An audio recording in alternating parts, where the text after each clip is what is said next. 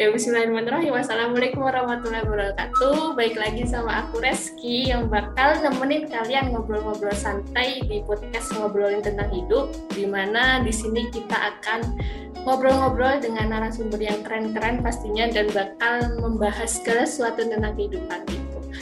Anyways, uh, selamat tahun baru ya buat teman-teman walaupun tahun barunya udah lalu-lalu mungkin ya, tapi semoga di tahun ini itu teman-teman mendapatkan kabar baik dan juga bisa mendekatkan teman-teman ke impian teman-teman dan pastinya tahun baru harusnya semangat baru juga ya gitu.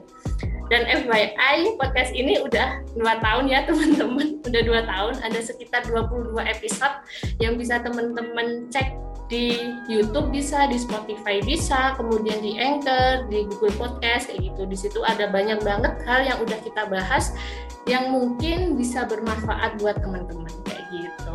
Nah, oke. Okay? Tidak usah berlama-lama mungkin ya. Kita di sini bakal ngobrol sama satu narasumber yang insya Allah bakal memberikan insight baru nih buat teman-teman tentang suatu hal basic yang ada di kehidupan kita uh, sebagai makhluk sosial yang selalu berhubungan dengan orang lain gitu ya. Gitu. Di sini udah ada Mas Mirza.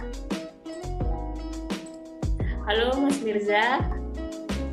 Ya uh, halo Reski. Halo oke. Okay. uh, eh, apa kabar nih Mas Ya, uh, alhamdulillah baik Reski. Ya meskipun musim hujan ya, tetap, tetap semangat dan semoga Reski juga sehat-sehat selalu ya. Ya, amin. Ini buat teman-teman pendengar mungkin belum kenal ya sama Mas Mirza. Mungkin Mas Mirza bisa memperkenalkan diri secara singkat dulu, silahkan. Oke, uh, terima kasih. Sebenarnya saya mau menjawab salamnya Reski. Waalaikumsalam warahmatullahi wabarakatuh. Uh, perkenalkan teman-teman semuanya di podcast Ngobrolin Hidup ya. Uh, perkenalkan nama saya Mirza Alfalah, biasa dipanggil Mirza. Uh, saya alumni dari Universitas Diponegoro jurusan Biologi. Untuk saat ini saya sedang menjalani S2 di Ilmu Lingkungan Sekolah Pasca Sarjana Universitas Diponegoro. Kemudian uh, senang sekali rasanya bisa bergabung dengan teman-teman ngobrol hidup untuk uh, menyampaikan uh, apa yang saya ketahui, bukan berarti saya pintar, tapi di sini saya akan berbagi apa yang teman-teman ngobrolin hidup butuhkan seperti itu. Oke, berarti sekarang kesibukannya Mas Riza masih lanjut studi ya? Iya, benar. Saat ini alhamdulillah sedang lanjut studi di Undip gitu. Sama ya di kepengurusan di, di KSL lagi. Ah, oke, okay. masih lanjut ya berarti ya. Jadi uh, kan kita dulu S1-nya sama-sama di Undip ya Mas, satu fakultas juga gitu. Walaupun aku baru kenal sekarang nih sama Mas Mirza, tapi itu ada beberapa temanku yang sempat kan kenal ya sama Mas Mirza, kemudian beberapa kali mention nama Mas Mirza, kemudian cerita tentang Mas Mirza kayak gitu tentang apa sih kayak yang cerita yang bikin aku kayak gila sih ini orang baik banget kayak gitu. kayak gitu nah aku mau tanya nih mau validasi nih. Mas merasa nggak kalau mas itu baik banget gitu ke orang-orang uh, ya yang namanya manusia itu kan uh, dua sisi mata koin ya. Ada baik ada buruknya juga. Dan uh, dari aku pribadi juga menyadari sometimes uh, I do bad aku melakukan hal yang buruk. Dan I uh, do something good aku melakukan hal yang baik gitu. Nah namun di sini yang uh, aku usahakan ke orang-orang baik yang aku kenal baik aku nggak kenal kayak sekarang nih Reski aku baru kenal hari ini gitu kan aku terus selalu berusaha untuk memberikan yang terbaik gitu ya apa yang bisa aku berikan gitu. Jadi uh, kalau misal orang-orang bilang ih nggak baik nggak baik ya itu persepsi dia dan alhamdulillah gitu ya. Berarti uh, simpelnya adalah hal buruk yang aku lakukan itu tuh Allah tuh masih menyembunyikan gitu loh. Gitu. Ya benar sih. Uh, berarti kenapa nih? Kenapa? Aku kalau bisa sama orang-orang yang kayak baik banget nih kayak sama orang itu suka kepo gitu. Kok bisa? Kok bisa sebaik itu gitu? Apa ada prinsip sesuatu prinsip yang mas pegang sehingga membuat mas kayak oke okay, aku harus baik sama orang-orang apa pun itu kayak gitu. Apa mas? Ya, uh, alasannya kenapa? Yang pertama ya, yang pertama tentu karena diajarkan ya, diajarkan sama orang tua ya sebagai madrasah kita ketika saat kita kecil gitu. Jadi yang namanya kita berbuat baik kepada orang itu jangan uh, memilih, jangan memilih. Karena gini, uh, anggapannya adalah kita itu melakukan sesuatu yang ada di dunia ini. Baik berbuat baik atau baik uh, itu tuh beribadah ya kepada Allah itu tuh sebagai tabungan. Yang sewaktu-waktu bisa kita ambil gitu kan. Jadi uh, itu yang harus kita sadari ya. Yang pertama itu dari orang tua kemudian yang kedua kemudian hal itu berkembang menjadi sebuah prinsip. Gitu, sebuah prinsip. Karena apa? Ya ketika kita berbuat baik kepada siapa pun itu ya nantinya akan ada kemudahan-kemudahan yang akan kita uh, dapatkan. Baik uh, kita sadari atau tanpa kita sadari seperti itu. Dan bisa jadi aku selalu bilang ke orang lain bisa jadi apa yang kita jalani sekarang apa yang kita peroleh sekarang itu tuh adalah hasil dari kebaikan-kebaikan kita sebelumnya. Gitu jadi uh, itu yang menjadi prinsip kenapa harus terus berbuat baik harus terus continue nih gitu. Jangan sampai berhenti. Prinsipnya adalah jangan berhenti di kamu gitu. Tapi pernah nggak mas kayak uh, mas itu udah baik nih sama orang-orang kayak gitu. Tapi kayak uh, malah nggak dibaikin balik atau malah nggak dianggap kayak gitu. Itu pernah nggak mas? Uh, mengenai hal itu tentu beberapa kali itu terjadi ya. Hmm. Uh, satu contoh misal, misal aku nih baik sama si A, baik sama si A, lawan jenis ya perempuan. Nanti terkadang yang salah tangkap di sini adalah kemudian uh, si A ini baper gitu ya. Padahal memang eh, nggak uh, ada intens ke arah sana. Jadi memang uh, hal yang aku lakukan itu ya sama sebagaimana aku lakukan pada si B, si C, si D gitu ya. Itu uh, satu case. Kemudian case lain adalah uh, terkadang uh, pertanyaannya adalah apakah kamu itu pernah menyerah berbuat baik kepada seseorang? Jawabannya adalah pernah. Ya, Kenapa? Karena gini, terkadang uh, memang kita tidak bisa menilai hidup seseorang. Ketika orang itu uh, datang ke kita, entah meminta saran atau meminta pertolongan. Hmm. Yang ada ketika uh, ada orang minta tolong, ya aku bantu sebisa aku. Nah, terkadang apa yang kita sarankan, apa yang kita bantu, yang menurut kita terbaik, kemudian dia nggak melakukan hal itu, kemudian dia balik ke kita dengan permasalahan yang sama, nah di situ tuh kayak kemudian ada pikiran, lah ngapain orang kemarin tuh udah tak kasih saran kayak gini gini gini kamu kok nggak mau ngelakuin gitu. Sekarang nih ujung-ujungnya sama kan. Terkadang tuh udah udah ada di titik seperti itu kayak ya wes terserah kayak gitu loh. Terserah kamu mau gimana gitu. Terkadang udah ada di titik untuk menyerah kepada seseorang tapi ketika menyerah itu gimana mas?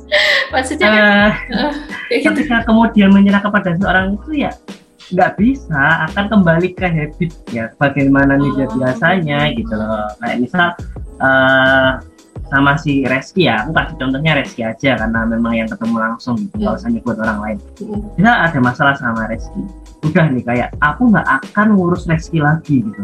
Terserah Reski mau gimana gitu. Tapi suatu ketika Reski datang gitu, ya tetap akan balik tetap aku bantu gitu. Kayak kayak nggak bisa loh ngilangin yang bukan Mirza banget gitu loh.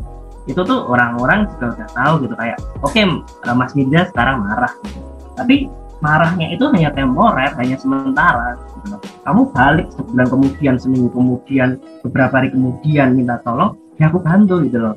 Hmm. itu gitu. Jadi nggak bisa maksudnya nggak bisa kemudian benar-benar menyerah gitu. Kayak uh, benar-benar melepas gitu. Apa yang kemudian orang minta tolong benar-benar nggak bisa.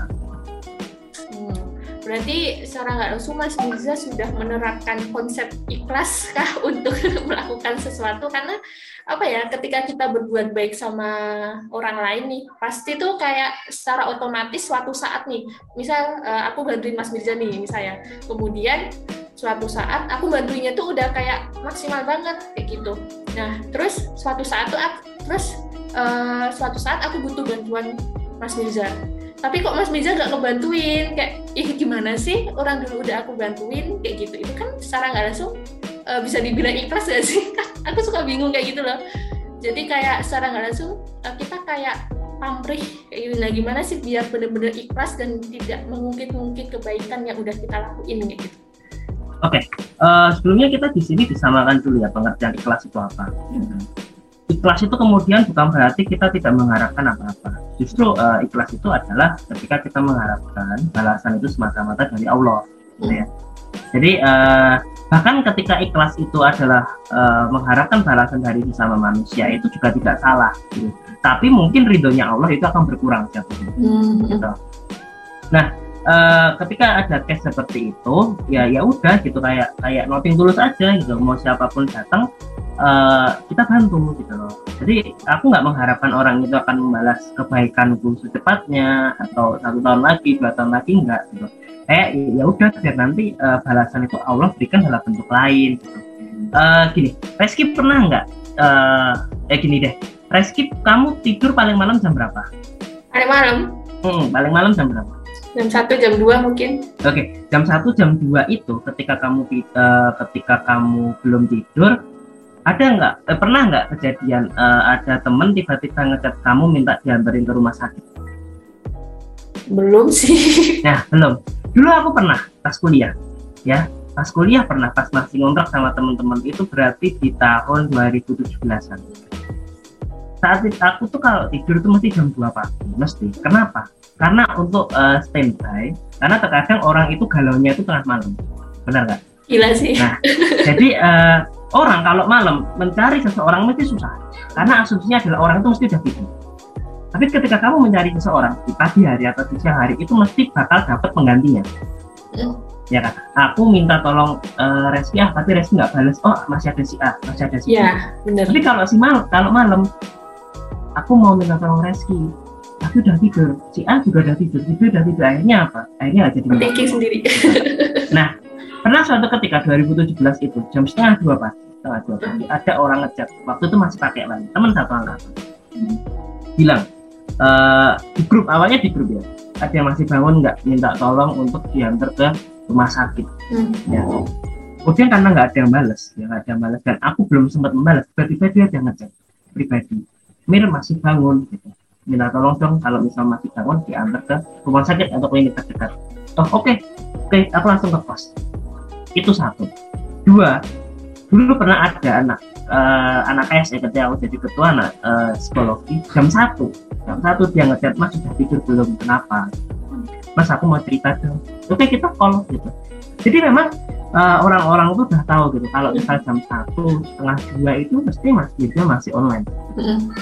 Jadi uh, di saat-saat itulah kemudian uh, orang mau cerita atau orang mau meluapkan apa yang dia rasakan orang mau minta tolong gitu. kalau misal aku bisa bantu secara fisik ya aku bantu gitu.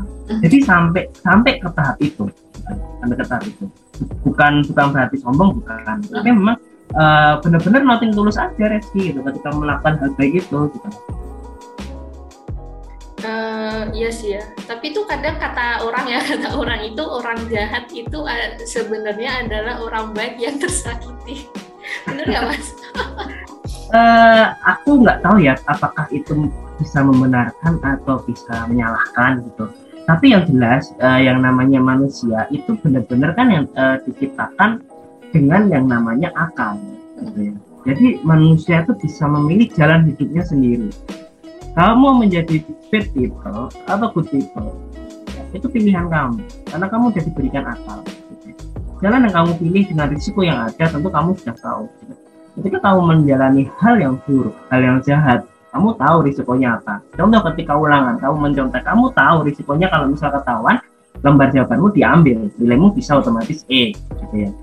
Tapi kalau misal kamu melakukan hal baik, misal nggak mencontek dengan uh, materi yang kamu pahami hanya semalam aja, risikonya tentu mungkin nilainya nggak maksimal. Kamu mau pilih yang mana? Gitu. Kamu udah tahu dengan akal yang diberikan. Gitu.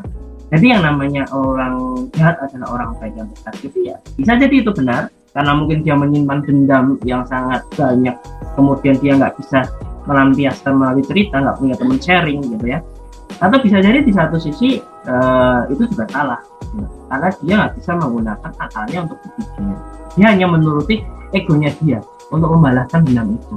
Gitu sebenarnya kalau misal kita tersakiti wajar ya. Karena manusia juga punya hati kayak gitu. Cuman gimana kita menyikapi sikap kita setelah itu nggak sih? Mau tetap kita berbuat baik atau mau justru berbalik menjadi jahat? Karena itu juga bakal balik ke kita sendiri ya. Nah buat uh, tadi kan Mas Bila juga bilang kan ketika kita berbuat baik ke orang gitu kan kita bakal dapat kemudahan-kemudahan kayak gitu. Kemudahan-kemudahan yang ada di hidup kita di mana itu merupakan buah dari kebaikan kita ke orang-orang kayak gitu. Nah ada contoh real case nggak? Di mana Mas merasa merasa kayak oh ini kayaknya kemudahan deh setelah aku berbuat baik atau gimana? Coba Mas ada nggak? Uh, case ya case.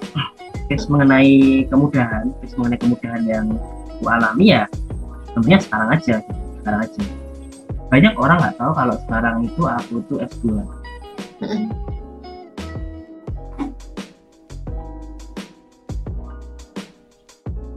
uh, fast track. Kamu tahu ini nggak? Siswa fast track gak? yang S2 lanjut S3 eh belum tahu baru dengar malah. Gimana itu jadi itu nama beasiswanya adalah PMDS. Mungkin kamu udah tahu kalau PMDS. Hmm. yakni program magister menuju dokter unggul. Hmm. Jadi itu S2 selama satu tahun dan S3 selama tiga tahun. Jadi hmm. masa kuliah uh, maksimal maksimal itu empat tahun dengan lulusan S3. Banyak orang nggak tahu, banyak orang nggak tahu dan bahkan ketika orang tahu adalah pertanyaannya adalah kok bisa. Hmm. Ya sebagai gambaran aja ya, sebagai gambaran Mirza ketika dulu S1 lulus lima tahun, hmm. ya lulus lima tahun uh, paling ngeyel ya kan paling ngeyel kemudian uh, jarang bimbingan jarang bimbingan bahkan dicari-cari ghosting gitu ya. Hmm. karena apa? Uh, priority ketika saat itu ketika masa skripsi kan kayak kita benar-benar luang kita nggak punya kuliah tetap. Gitu. kita kerja ini skripsi. Nah di situ kemudian aku tuh kayak uh, malah jatuhnya bantuin teman-teman yang lain. Oh iya. Nah, aku tuh skripsiku tuh bahkan yang paling terakhir di antara kelompok bantu yang lain kemudian bantu adik-adik karena waktu itu masih reorganisasi ya kan hingga kemudian uh, satu masa satu waktu itu menyadari kalau misal oh iya kalau misal aku nggak lulus lulus tentunya kayak membebani orang tua jadi perlu disadari kita berbuat baik kepada sesama itu ya kepada orang tua itu juga jelas harus wajib ya. nah maka dari itu aku sebagai bentuk konsekuensi aku uh, apa namanya over semester itu satunya aku membiayai sebagian uang uh, semesteran aku. Gitu. jadi uh, tidak uh, apa namanya membebani orang tua. Nah uh, kemudian uh, ketika sidang akhir ketika sidang akhir waktu itu profesornya bilang Mirza bentar lagi bulan Maret itu ada uh, pembukaan beasiswa PMDSU PMDSU nanti kamu silakan daftar nanti silakan pilih ibu menjadi promotornya nanti uh, kalau misal kamu sesuai dengan kompetensi yang ada nanti bisa ibu rekomendasikan. Nah ketika proses seleksi bulan Maret itu Reski kalau misal kamu tahu pergi ke Jakarta uh, ada deadline uh, pengumpulan proposal penelitian. Jadi desain penelitian kamu harus uh, membuat itu sebagai bentuk seleksi. Nah yang terjadi adalah karena waktu yang sempit aku tuh mengumpulkan apa adanya. Nggak ada daftar isi. Nggak ada daftar pustaka ya. Uh, kata pengantar nggak ada. Jadi bener-bener ya kamu kalau misal sebagai dosen itu harusnya punya dicoret ya. Tapi enggak loh. Sumpah kalau Allah itu tuh malah terima gitu malah keterima. Kemudian ya udah. Aku sharing sama beberapa orang termasuk orang tua kok bisa gitu ya. Jawaban mereka apa ya itu jawaban mereka apa yang sering aku sampaikan ke teman-teman. Bisa jadi ya. Bisa jadi uh, kamu tuh memang kamu jarang tahajud. Memang loh aku tuh orangnya jarang tahajud gitu. dua aja jarang gitu. uh, untuk uh, ukuran-ukuran sholat sunnah itu uh, jarang. Saya bisa jadi ridhonya Allah ridhonya Allah. Itu adalah dengan kebaikan yang kamu perbuat kepada sesama. Jatuhnya ada kontinu gitu loh. Kita dengan kita tuh cukup jadi aku merasa kayak iya sih benar aja. Bisa jadi iya.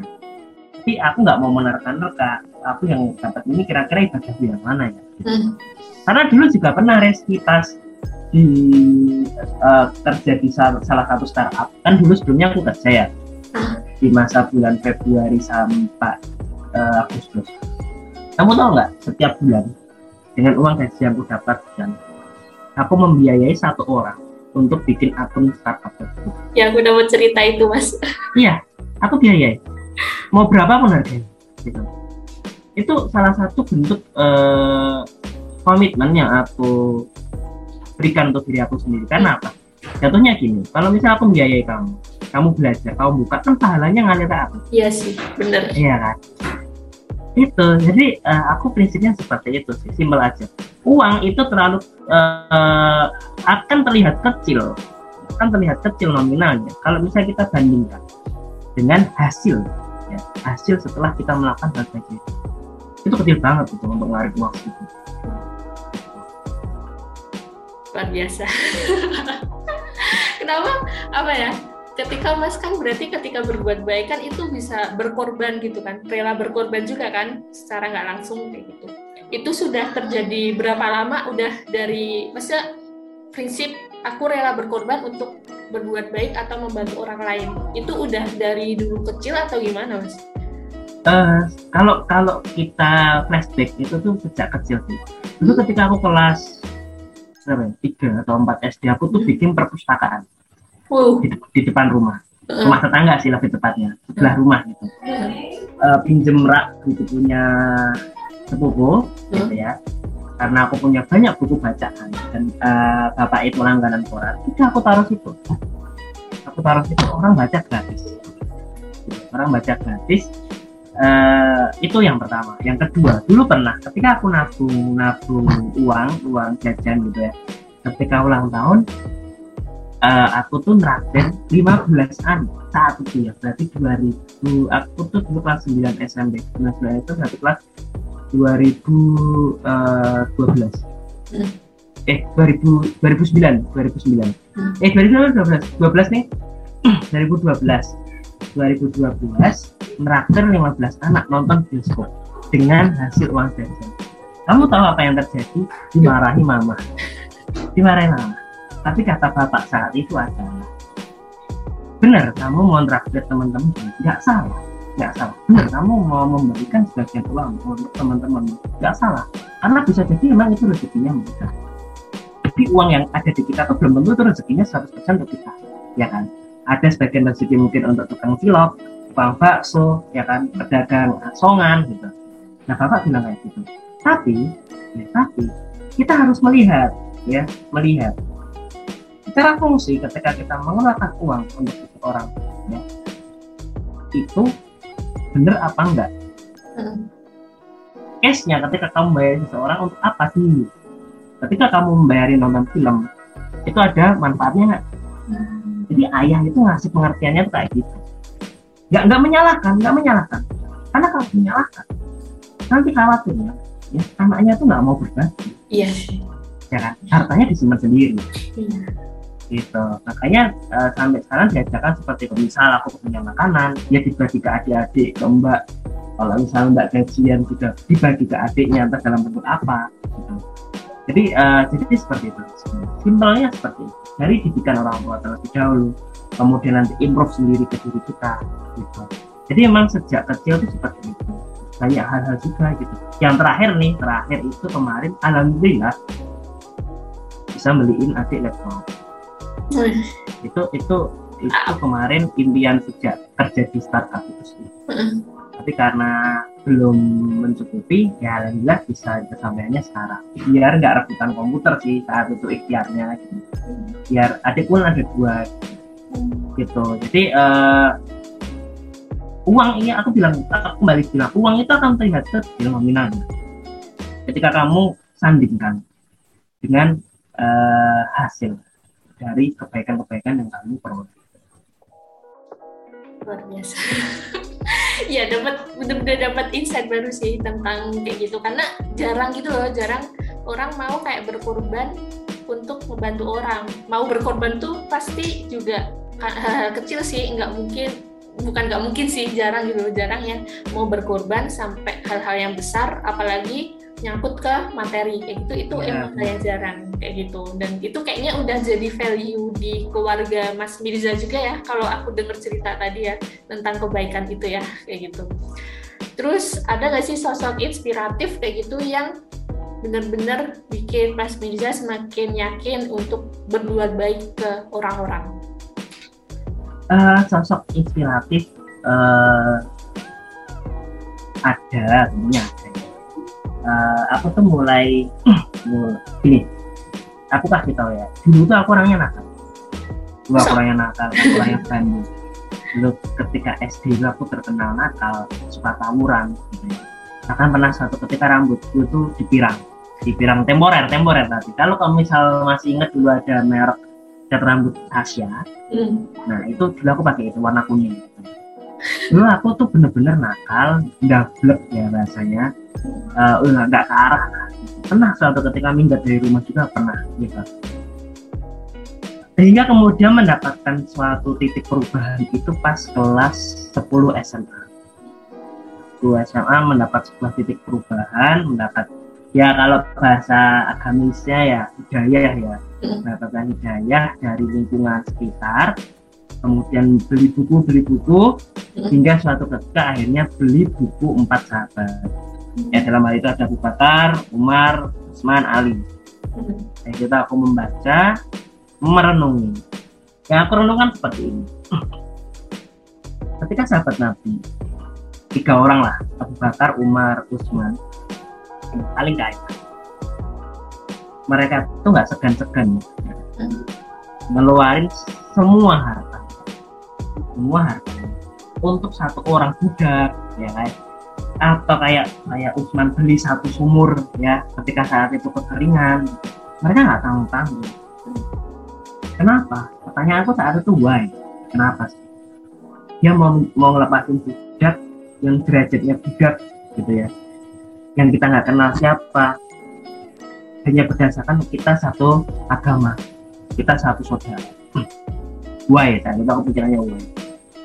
Hingga kemudian mendapat jawabannya ya kalau misal uh, Reski tahu ya itu kan uh, apa namanya Allah itu kan berfirman ya. Jadi Allah itu berfirman uh, hal jasa ul ihsani ila ihsan. Ya? Ar-Rahman. aku uh, suka banget tuh Ar-Rahman. Yang artinya adalah tidak ada uh, balasan untuk kebaikan kayak apakah kemudian balasan kebaikan itu berupa materi atau hal lain? Setelah saya setelah kita renungi kisah para sahabat di kali punya ternyata setelah menggelontorkan semua hartanya ya kecuali Usman ya karena Allah akan mengembalikan harta Usman itu ya utuh gitu. Usman itu sudah ditakdirkan nggak akan bisa miskin. Ketika kita melihat kisah Abu Bakar sama Umar kemudian uh, makannya mereka benar-benar berkhidmat sampai suatu ketika di dalam rumah itu nggak ada apa-apa. Hmm. ternyata balasan kebaikan itu ya. Allah itu memberikannya bukan dalam bentuk bukan dalam bentuk kembalian uang dinar bukan tapi hal-hal kemudahan-kemudahan lain. Kayak meninggalnya beliau kemudian syafaatnya untuk beliau ya, perjuangan beliau. Nah dari sini kemudian aku menyadari kayak kalau misal aku berbuat baik kepada seseorang dan berharap orang itu berbuat kembali ke aku dengan hal yang sama itu naik banget. Aku kayak mempertanyakan kebesaran Allah. Dan dan eman-eman banget kamu kamu katakanlah nih bahasa bahasa gampang ya. Kita ambil case uh, lain. Allah kan menjanjikan sholat sunnah dua rakaat sebelum subuh. Di waktu fajar itu dapat uh, pahala dunia dan seisinya Hmm. bener kan? Hmm. nah kalau misal Allah datangkan langsung bumi ini nggak akan cukup. Bener kan? Atau gampangannya gampangannya kayak misal kamu sholat sunnah dua rakaat itu hadiahnya mobil Fortuner katakanlah. Nah ketika kamu meminta mobil Fortuner dalam bentuk dunia tentu akan berbeda hasilnya jika Allah itu menyimpan di dalam bentuk akhirat jadi akan naik banget kalau misal kita tuh mengharapkan balasan langsung di dunia. Gitu jadi kayak ya udah kayak ketika kita selesai ya udah biarin aja nanti Allah balasnya apa ke aja. jadi kalau ditanya sosok inspiratifnya apa? Ya itu beliau beliau itu. Ya kan? Kemudian ditambah dari bapak. Karena bapak me- memang mencontohkan hal itu saat kita masih itu itu sih Reski alhamdulillah dapat titik balik sih saat itu saat SMA sayangkan kalau enggak mungkin aku juga masih nakal kali ya Iya sih. Itu sebuah apa ya? anugerah atau nikmat yang luar biasa ya dapat titik balik itu tuh karena itu kan hal yang benar-benar bisa merubah hidup sampai sekarang kayak gitu luar biasa jadi sosok inspiratifnya adalah para sahabat Nabi dan juga ayah dari Mas Mirza sendiri ya. Ya, ya kita kalau mau nyari inspirasi itu banyak ya sebenarnya ya, nggak usah jauh-jauh kayak gitu. Pasti di sekitar kita asalkan kita mau mencari tahu dan mau mempelajari, memahami kayak gitu, itu juga bisa jadi sosok inspiratif bagi kita, ya nggak sih? Iya benar-benar.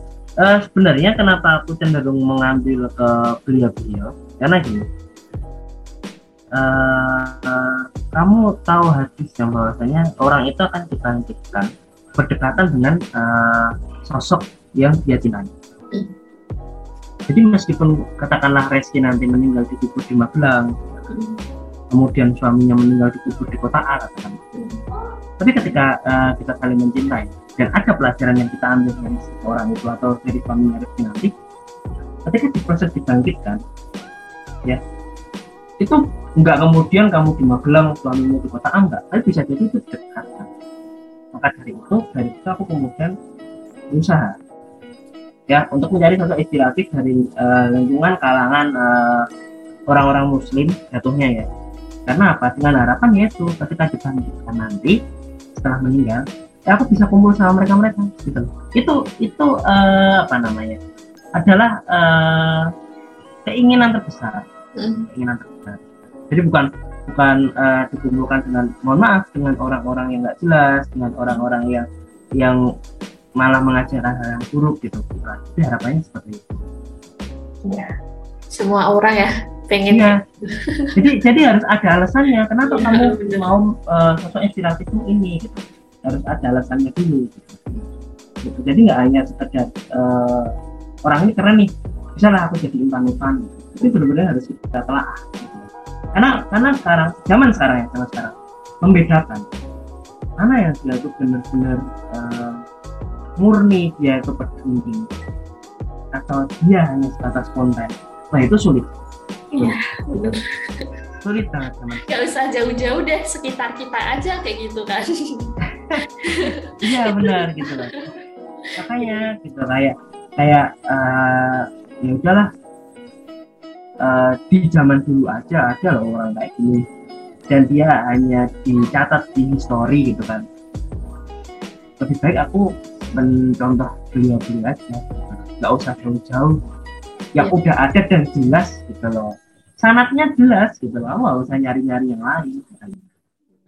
Benar banget. Dan itu kadang jadi pengingat nggak sih? Kalau kita punya sosok inspiratif mungkin suatu saat bisa jadi pengingat kita ketika kita kan manusia pernah ya futur kayak gitu itu oke okay. Nah, terus uh, kan tadi Mas bilang susah gitu ya bedain antara orang yang benar-benar peduli atau orang yang hanya bikin konten dan segala macam kayak gitu. Nah, Mas percaya nggak sih sebenarnya kalau semua orang itu baik? Uh, semua orang itu baik, pada dasarnya baik ya. Aku percaya mereka memiliki core itu. Ya, mereka memiliki core itu karena apa? kita memiliki selain akal kita memiliki yang namanya hati kenapa kemudian di hati itu kadang kita berbisik ya, itu karena terkadang hati itu ketika kita mau mendekati hal buruk hati itu kayak lu yakin gitu loh. Yes. jangan deh gitu loh eh, jangan ntar orang tua marah jangan nyontek deh nanti kalau ketahuan setan nilaimu eh sia-sia dong mau belajar satu semester ini Nah, kita punya yang namanya hati. Dan pada dasarnya orang itu baik. Tapi ya kembali, hati ini terkadang salah. Sama yang namanya ego, nafsu kita untuk melakukan hal buruk. Sama yang namanya lingkungan. Kamu nggak bisa merubah uh, lingkungan buruk itu sendiri. Ya, nggak bisa merubah sendiri. Dengan zaman yang sekarang ya, yang ada adalah kemungkinan besar kemungkinan besar kita malah ikut terseret ke gampangannya kau masuk ke bar kau bilang ini uh, minuman keras haram nggak boleh bisa seperti itu. Yang ada apa? Kamu dilepeh. Hmm. kamu kamu eh, nggak uh, digubris lo siapa bahkan bisa jadi kamu malah ditarik lah kamu nggak bisa keluar lah ini itu. Banyak cerita dari teman-temanku yang pernah mencari seperti itu. Sulit gitu. sulit kita mau merubah suatu lingkungan sulit nah, itu. jadi ya. pada dasarnya manusia itu punya core baik punya inti dalam dirinya tuh sesuatu hal yang baik. Cuma ya itu dia mau memupuk itu terus atau dia terus melawan sehingga dia uh, berjalan ke arah yang baik. Iya. Itu sih. Itu kenapa kita punya hati. Dan hati itu sebagai alarm nggak sih? Iya benar sih. untuk ngerem kita. Ya. Mungkin Reski juga pernah gitu loh. Hmm. Uh, mau melakukan hal yang mungkin ragu-ragu atau sudah tahu ini salah di hatinya tuh tak bicara kayak yakin nih kita terabas gitu nggak mau mikir lagi gitu jadi seperti itu aku pun juga pernah iya. Tapi kadang hati pun bisa mati kalau bisa kita nggak pernah pupuk ya nggak? Iya makanya dari itu. Pertanyaannya adalah kamu mau memupuk itu ketika kamu sudah direm ketika kamu sudah dilarang kamu mau stop atau kamu mau terabas terus hingga kemudian menjadi suatu habit hmm. ya itu pilihan gitu. Ya sih benar. Ya dapat banyak insight. Jadi intinya sebenarnya semua orang itu baik, tergantung gimana kita menyikapinya ya. Kayak ya, kalau misal kita ada di lingkungannya buruk, ya ya bukan lingkungannya yang kita ubah, tapi gimana kita mengontrol diri kita di lingkungan yang seperti itu atau justru memilih lingkungan yang baik, tapi memilih lingkungan yang baik pun itu sebuah privilege yang tidak dimiliki oleh semua orang ya kayak gitu. Jadi ya kuncinya ya ada di diri kita kayak gitu. Nah, udah banyak banget insight yang udah uh, kita dapetin gitu, bener-bener membuka mata sih mas. karena beberapa, karena semakin ke sini itu semakin melihat liarnya dunia kayak jadi kayak apa ya? Kalau misal mau berbuat baik, kadang mikir-mikir gitu. Karena semakin ke sini kan semakin keras ya dunia ya. Jadi kayak ya benar tadi. Jadi kayak bingung aja ini beneran baik apa enggak gitu gitulah. Nah terakhir nih ada closing statement nggak buat teman-teman pendengar nih? Atau pesan atau apa pun itu dari Mas Biza silahkan Ya, uh, terima kasih uh, untuk closing statementnya. Jadi di sini saya mau menyampaikan ke teman-teman pendengar ngobrolin hidup, ya bahwasanya terus teruslah berbuat baik pada siapa pun itu ya. Kepada siapa pun itu orang tua tentu wajib katanya. Saudara kandung tentu wajib uh, teman ya kan. Ya kemudian uh, jangan takut kemudian nanti kemudian kita ditipu atau kemudian kepercayaan kita disalahgunakan ya. Karena hal itu dengan apa yang kita berikan itu jatuhnya adalah sangat murah gitu kamu ngeluarin uh, katakanlah satu juta pinjam ke uang eh pinjam ke orang meminjamkan ke orang orang itu lari satu juta itu akan terlihat murah. Hmm. yang mahal itu adalah kepercayaan. Itu satu. Yeah. dan yang kedua adalah uh, jangan hitung hitungan ketika kamu berbuat baik jangan hitung hitungan karena matematika kita tentu berbeda dengan matematikanya Allah. Itu kan yang sudah pernah dibahas Faris kan di, uh, di uh, sesi yang dulu gitu ya matematikanya kita itu berbeda. Serius. Ketika kamu uh, membantu orang ya dengan misal nyam uh, nemenin ke rumah sakit katakanlah habis bensin sepuluh ribu Allah nggak akan balas itu sepuluh ribu enggak nggak balas kemudian uh, per menitmu berapa enggak kita nggak pernah tahu matematikanya Allah itu seberapa. Dan itu Allah itu akan membalas kita tuh lebih besar dan nggak tahu Allah itu akan memberikannya kapan. Dan jadikanlah kebaikan itu sebagai tabungan teman-teman. Yang suatu saat mungkin teman-teman itu itu bisa teman-teman. Teman-teman apa mungkin bisa PNS atau kemudian uh, mau masuk perguruan tinggi atau mau cari kerja. Nah itu jadikanlah ikhtiar gitu.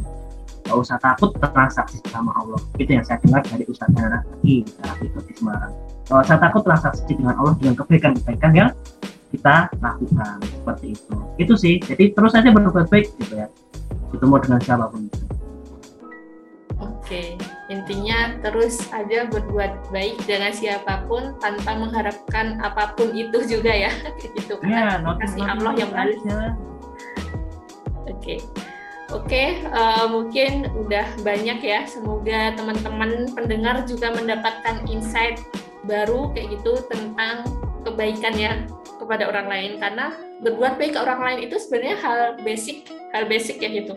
Tapi karena itu basic dan mungkin orang-orang merasa itu hal yang remeh kayak gitu justru malah sering dirupain kayak gitu. Padahal itu kan hal utama yang harus kita miliki gitu ya untuk hidup uh, bersosial dengan orang lain kayak gitu. Oke, terima kasih banyak buat Mas Mirza yang sudah berkenan untuk sharing-sharing kayak gitu dan semoga bermanfaat buat teman-teman juga dan semoga dan buat teman-teman nih uh, maafin kalau misal kita ada salah-salah kata dan juga jangan lupa dengerin podcast-podcast kita yang lain yang membahas hal lain juga yang memberi insight baru juga ke teman-teman itu di tentunya di Spotify, YouTube atau Google Podcast atau yang lain. Oke, terima kasih. Sekian. Wassalamualaikum warahmatullahi wabarakatuh.